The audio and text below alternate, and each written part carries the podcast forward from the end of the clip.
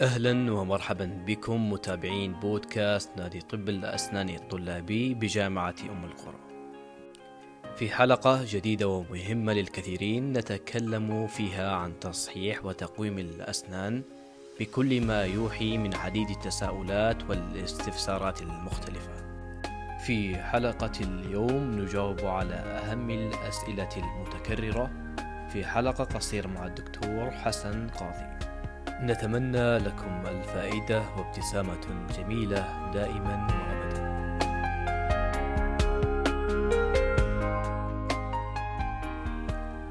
هل يلزم خلع بعض الأسنان لنجاح علاج تقويم الأسنان؟ بصفة العموم الخلع قد يكون أحد متطلبات العلاج الناجح لتقويم الأسنان.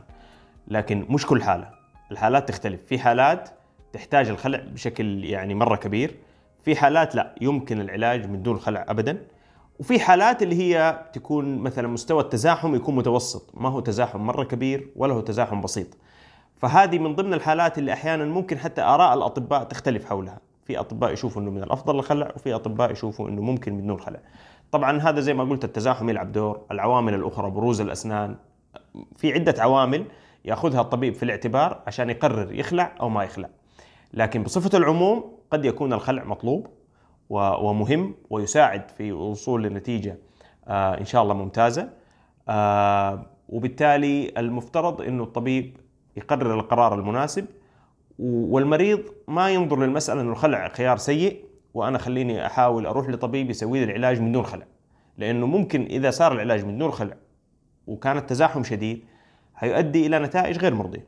يعني قد ينتهي العلاج فعلا من دون خلع ولكن بنتيجة غير مرضية لا للطبيب ولا للمريض.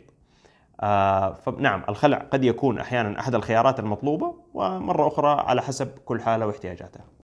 ما هو العمر المناسب لبدء علاج تقويم الأسنان؟ بصفة العموم خلينا نبدأ من الأطفال. أول زيارة ممكن تكون للطفل لطبيب الأسنان هي مع بدء بزوغ الأسنان الدائمة.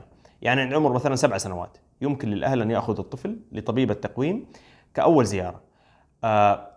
بعد كده خلينا نقول علاج التقويم الكامل بالنسبة للصغار من الأفضل إنه هو يتم بعد بروز الأسنان الدائمة كاملة اللي هي خلينا نقول من 11 إلى 13 سنة.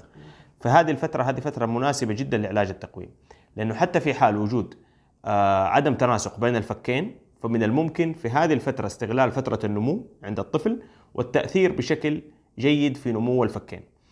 آه بالنسبة للكبار لا يوجد سن محدد لعلاج التقويم.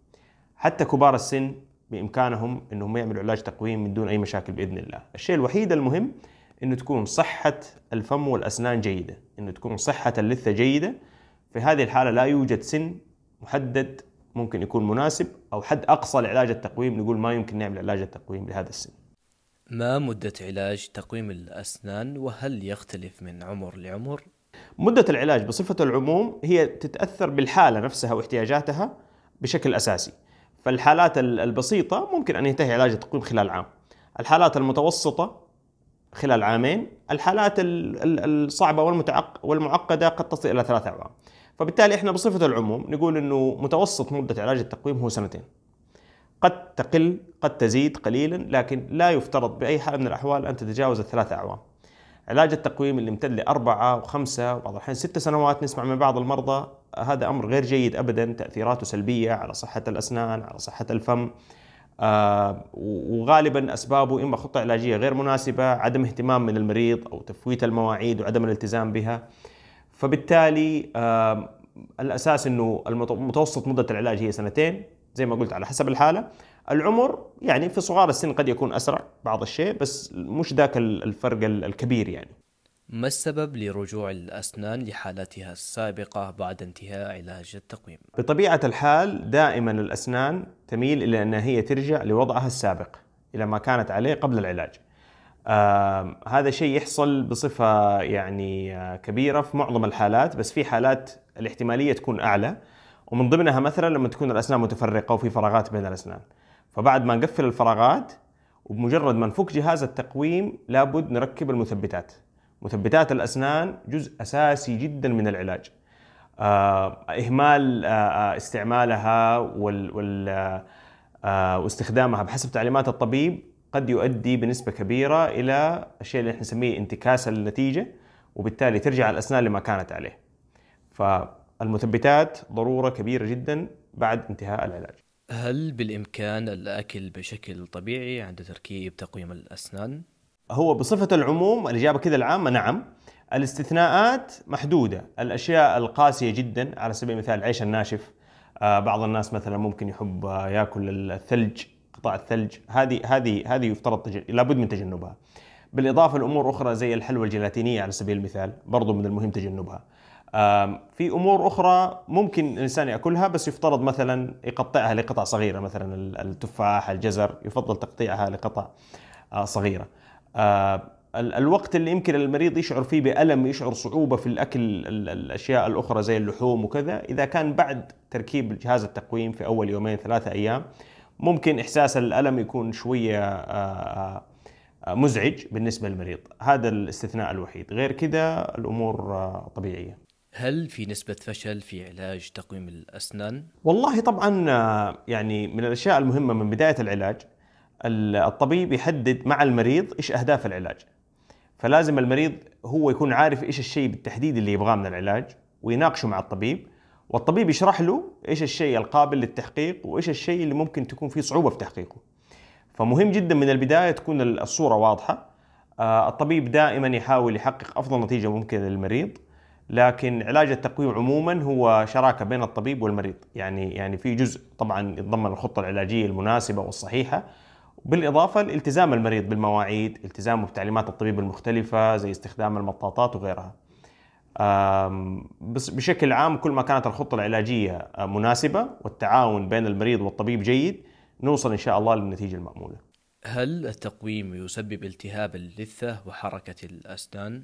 طبعا بالنسبة لحركة الأسنان هي علاج التقويم هو في النهاية بيحرك الأسنان. فالأسنان تكون في حالة والأنسجة المحيطة بها في حالة حركة.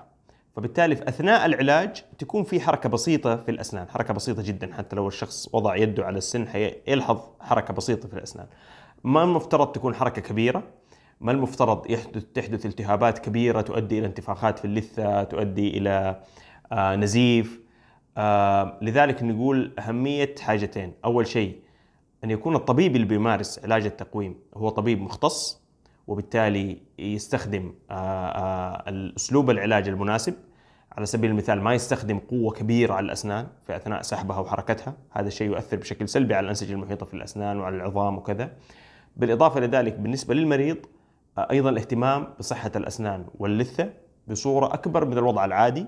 لأنه وجود جهاز التقويم مع الأسلاك مع كذا تخلي النظافة شوية أصعب. فبالتالي استخدام الفرش المخصصة آه، آه، بالإضافة لفرشة الأسنان العادية والتنظيف العادي الخيط السني هذه تزداد أهميتها مع وجود التقويم. فبالتالي في حال إنه خطه علاجيه إن شاء الله جيدة والطبيب آه، بيستخدم التقنيات المناسبة للعلاج زائد المريض مهتم بصحة أسنانه بالشكل الصحيح والمناسب بإذن الله يمضي علاج التقويم بشكل آه، آمن وصحي وإن حدثت التهابات بسيطة فهي غير مؤثرة ولا تؤثر ابدا على المدى البعيد.